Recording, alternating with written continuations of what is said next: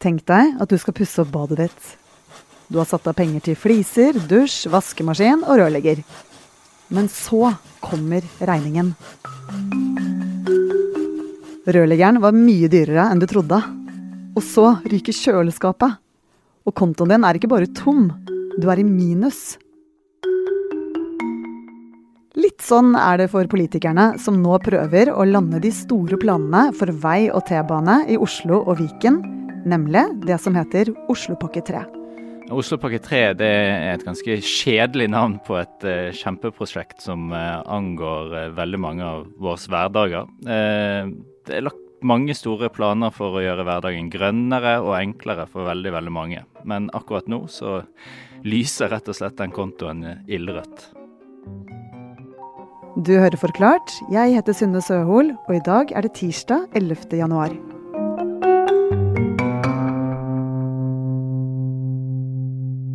Sondre Myhre, du er journalist her i Aftenposten og har skrevet en del om kollektivtransport. Kan du forklare litt mer hva Oslopakke 3 er? Oslopakke 3 er kort fortalt eh, den store, store trafikkplanen til Oslo og Viken-fylkene. Der de legger inn eh, prosjekter. Det er veiprosjekter, det er kollektivprosjekter, sykkelveiprosjekter, tunneler, broer. Egentlig alt du kan tenke deg som eh, går på hjul rundt omkring i de to fylkene. Det er mye å glede seg over med de nye kollektivplanene. Det største prosjektet, som allerede er under bygging, er Fornebubanen, som kommer til å frakte folk fra Bærum til Oslo. Og Den skal etter planen gå inn til Majorstua T-banestasjon, som skal etter planen bygges helt ny og under jorden. Og I tillegg er det planer om å lage en ny T-banetunnel, som vil gjøre det enda enklere å reise rundt i byen. Man har eh, eh, signalsystemet til T-banen skal skiftes ut, for det er blitt eh, utdatert. Og så finner man i tillegg en rekke veier rundt omkring i fylkene da, som trenger å pusses opp. Dette er etterlengtede prosjekter, for til sammen så reiser 1,8 millioner mennesker kollektivt i Viken og Oslo. Det vil si en tredjedel av Norges befolkning. Vi blir eh, flere og flere mennesker i Oslo og Viken. Vi trenger eh, mer infrastruktur. Og så er det et viktig mål i eh, Oslopakke 3 og politikken generelt om at vi skal bli mer klima- og miljøvennlige. Og det er det største de jobber med, å få til prosjekter som gjør at vi får ned biltrafikken, og at vi skal nå våre klimamål fremover de neste årene. Men de prosjektene høres jo ganske dyre ut også. Eh, hvordan går det egentlig? Nei, det er jo det store problemet akkurat nå. At det koster utrolig mye penger å skulle få klart disse prosjektene. Og ikke minst så svikter inntektene i tillegg. Og mm, da blir det vanskelig å få realisert alt man har eh, tenkt til. Det er nettopp det. Å bygge ut T-banetunneler, skinner og systemer er svindyrt. Fornebubanen 16 milliarder. Nytt signalanlegg mer enn 5 milliarder. Nye Majorstuen stasjon også 5 milliarder. Samtidig er flere prosjekter helt avhengig av hverandre. Og dette er bare noen av planene for Oslo og Vikens kollektivutbygging. Men nå mangler det milliarder av kroner på kontoen. Hvordan i all verden kunne dette skje? Grunnen til at eh, de har bommet eh, så mye, er rett og slett eh, fordi at analysene de gjorde på både inntektssiden og utgiftssiden har slått feil. Hvis vi starter med inntektssiden, så har Oslopakke 3 rett og slett tre inntekter. De har penger fra staten som de får, de har penger fra de to fylkene som de får. Så har de den tredje og den mest hva skal man si, usikre faktoren, nemlig bompenger. På 80-tallet fikk nemlig politikerne en lysende idé. Løsningen på de store utgiftene til veier, broer og tunneler bompengeringen. I 1990 åpnet de første stasjonene rundt Oslo sentrum. Nedtellingen er slutt. Klokken tolv i formiddag ble bompengeringen rundt Oslo sentrum åpnet. Med små bommer, med en liten trakt der mynten skulle slippes ned. Og gjennom 90-tallet finansierte pengene fra bomringen hovedveier inn og ut av Oslo, i det som het Oslopakke 1. Og så kom Oslopakke 2 med utbygging av buss og T-bane. Og etter planen skulle bomstasjonene avvikles.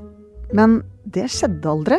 En arbeidsgruppe har ifølge Aftenposten sett på konsekvensene av å fjerne bomringen, og funnet ut at det vil føre til så sterk vekst i biltrafikken at det ikke er forsvarlig å rive bomstasjonene. For på 2000-tallet kom tanken om en evigvarende bomring. En kontinuerlig innsamling for nye prosjekter. Den syns jeg er for ille, rett og slett. Den bare øker og øker på bomstasjoner rundt hele Norge, og de lover å fjerne dem, og det blir aldri gjort. Og da må vi betale oss i hjel. Og nå betaler bompengene bl.a. for store deler av Fornebubanen, nytt signalanlegg og den nye Majorstuen stasjon.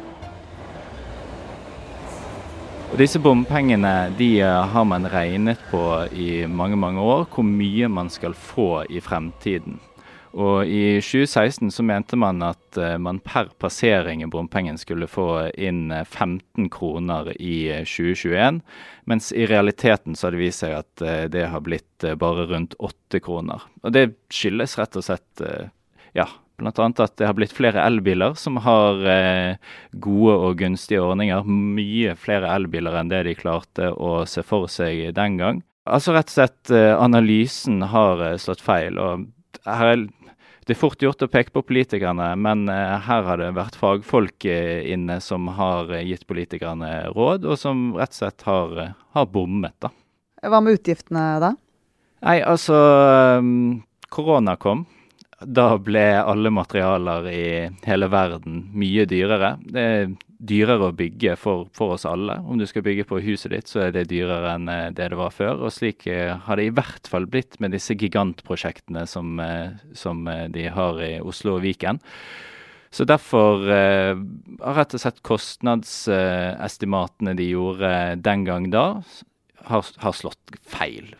Og på mange, mange milliarder. Og um, da, da, blir det problemer. Men hva, hva er løsningen på dette store problemet?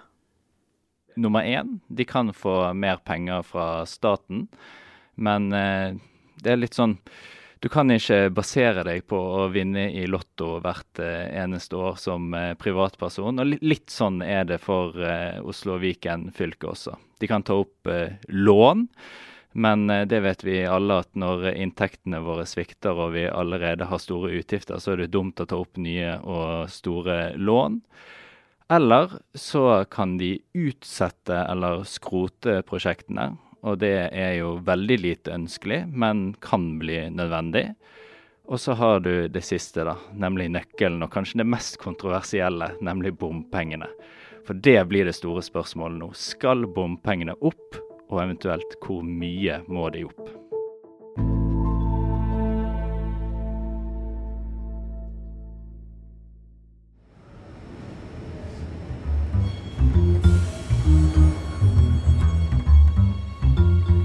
Det mangler altså milliarder av kroner for å bygge nye Majorstuen stasjon, veier, Fornebubane og nytt signalanlegg. I tillegg kommer viktig vedlikehold av trikk og T-bane. Dette kan betales med bompenger, men det vil kunne skape voldsomme reaksjoner. Oslo er jo eh, kjent som ulikhetenes by. Eh, det er en by som er veldig delt økonomisk. Det er store forskjeller på folks lommebok øst og vest i denne byen.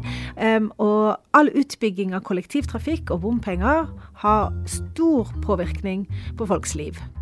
Oslo-kommentator Nasnin Khan Østrem, hvorfor er Oslopakke 3 så vanskelig for politikerne? Oslopakke 3 er vanskelig fordi det handler om, mye om bompenger. Det er jo bompengene som skal finansiere de veldig mange prosjektene som Oslopakke 3 inneholder. Og nå har det vist seg at pengesummen er mye, mye mindre enn det politikerne hadde sett for seg. Så det fører til at de sannsynligvis må sette opp bompengene. Og det er jo et politisk brennbart spørsmål.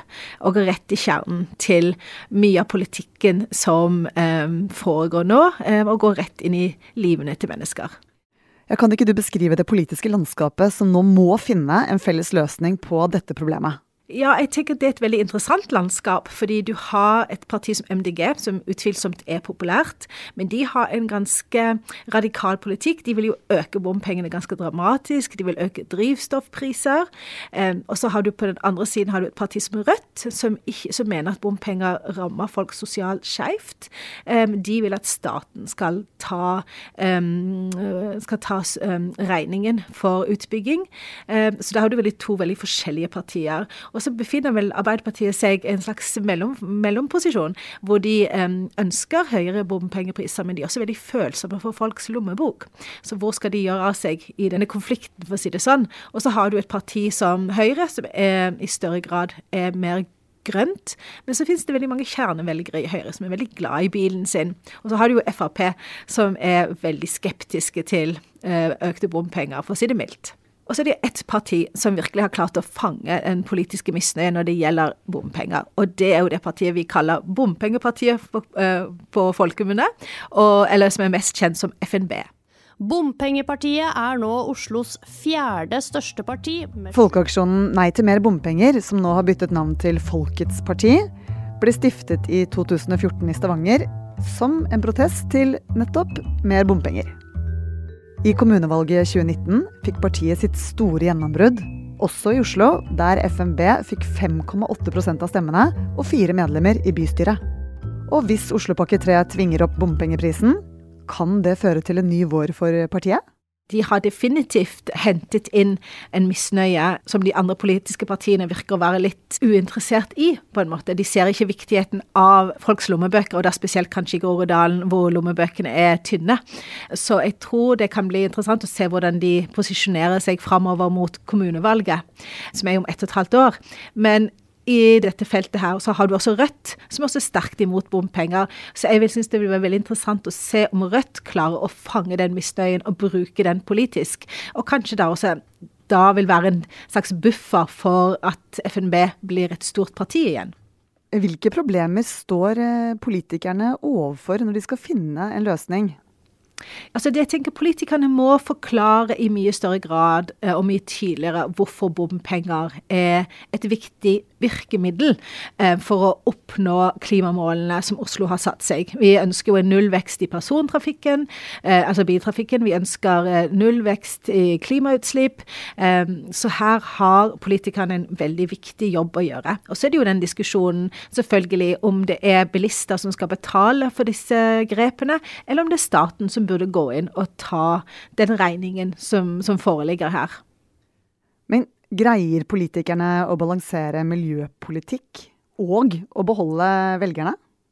Ja, det, det er jo det som er spennende. fordi jeg tenker at når vi velger, så velger vi jo både for en blanding av at ja, vi vil gjøre verden bedre, men vi har jo også en lommebok vi skal forholde oss til. Og hvis summen av bompengene blir veldig høye eh, for de som da velger å kjøre bil, eh, og at det går utover privatøkonomien, så kan det jo være at man tenker at OK, miljøet er én ting, lommeboka mi er én ting. Så det er jo det det det er jo det som er et vanskelig spill når, når valget nærmer seg. Eh, hva er det som betyr mest for folk? Men jeg tenker at man skal bare ta seg en tur i Oslo og se hvor viktig bompenger har vært når det gjelder å redusere biltrafikken inn i byen. At byen har blitt grønnere, bedre å være i. Så det er jo et, det er jo et felles gode. Men det fellesgodet bør ikke gå utover lommeboken. Det har vært ganske stille rundt bompenger siden 2019. Eh, hva vet vi om nordmenns holdninger til bompenger i dag? Vel, De siste analysene viser jo at nordmenn har aldri vært så positive til bompenger um, som nå. Og det er nettopp fordi man ser verdien, eh, den konkrete verdien av hva bompenger gir oss. Um, men det er, jo, det er, jo, et øyeblikksbilde. Uh, man, I det øyeblikket bompengene blir for høye, så kan jo den misnøyen oppstå igjen. Eh, så dette blir veldig interessant å følge med på. Forrige uke begynte lokalpolitikerne å forhandle seg frem til en løsning. Må noe skrotes? Kan de finne penger andre steder, eller blir løsningen rett og slett mer bompenger? Partiene har frist til sommeren, men Sondre, hva skjer om de ikke blir enige? De har eh, egentlig alltid blitt eh, enige. Det har vært eh, bred enighet blant alle partier om disse pakkene år etter år etter år, bortsett fra i fjor. Da ble, klarte de rett og slett ikke å bli enige. Men i år så er alle partiene egentlig enige om at de må bli enige.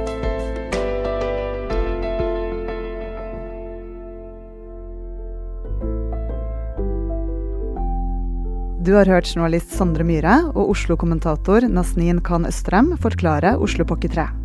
Det er produsent Fride Næss Nonstad og jeg, Synne Søhol, som har laget denne episoden. Ellers har du hørt lyd fra NRK. Resten av Forklart er Anne Lindholm, Marte Spurkland, David Vekone og Anders Weberg.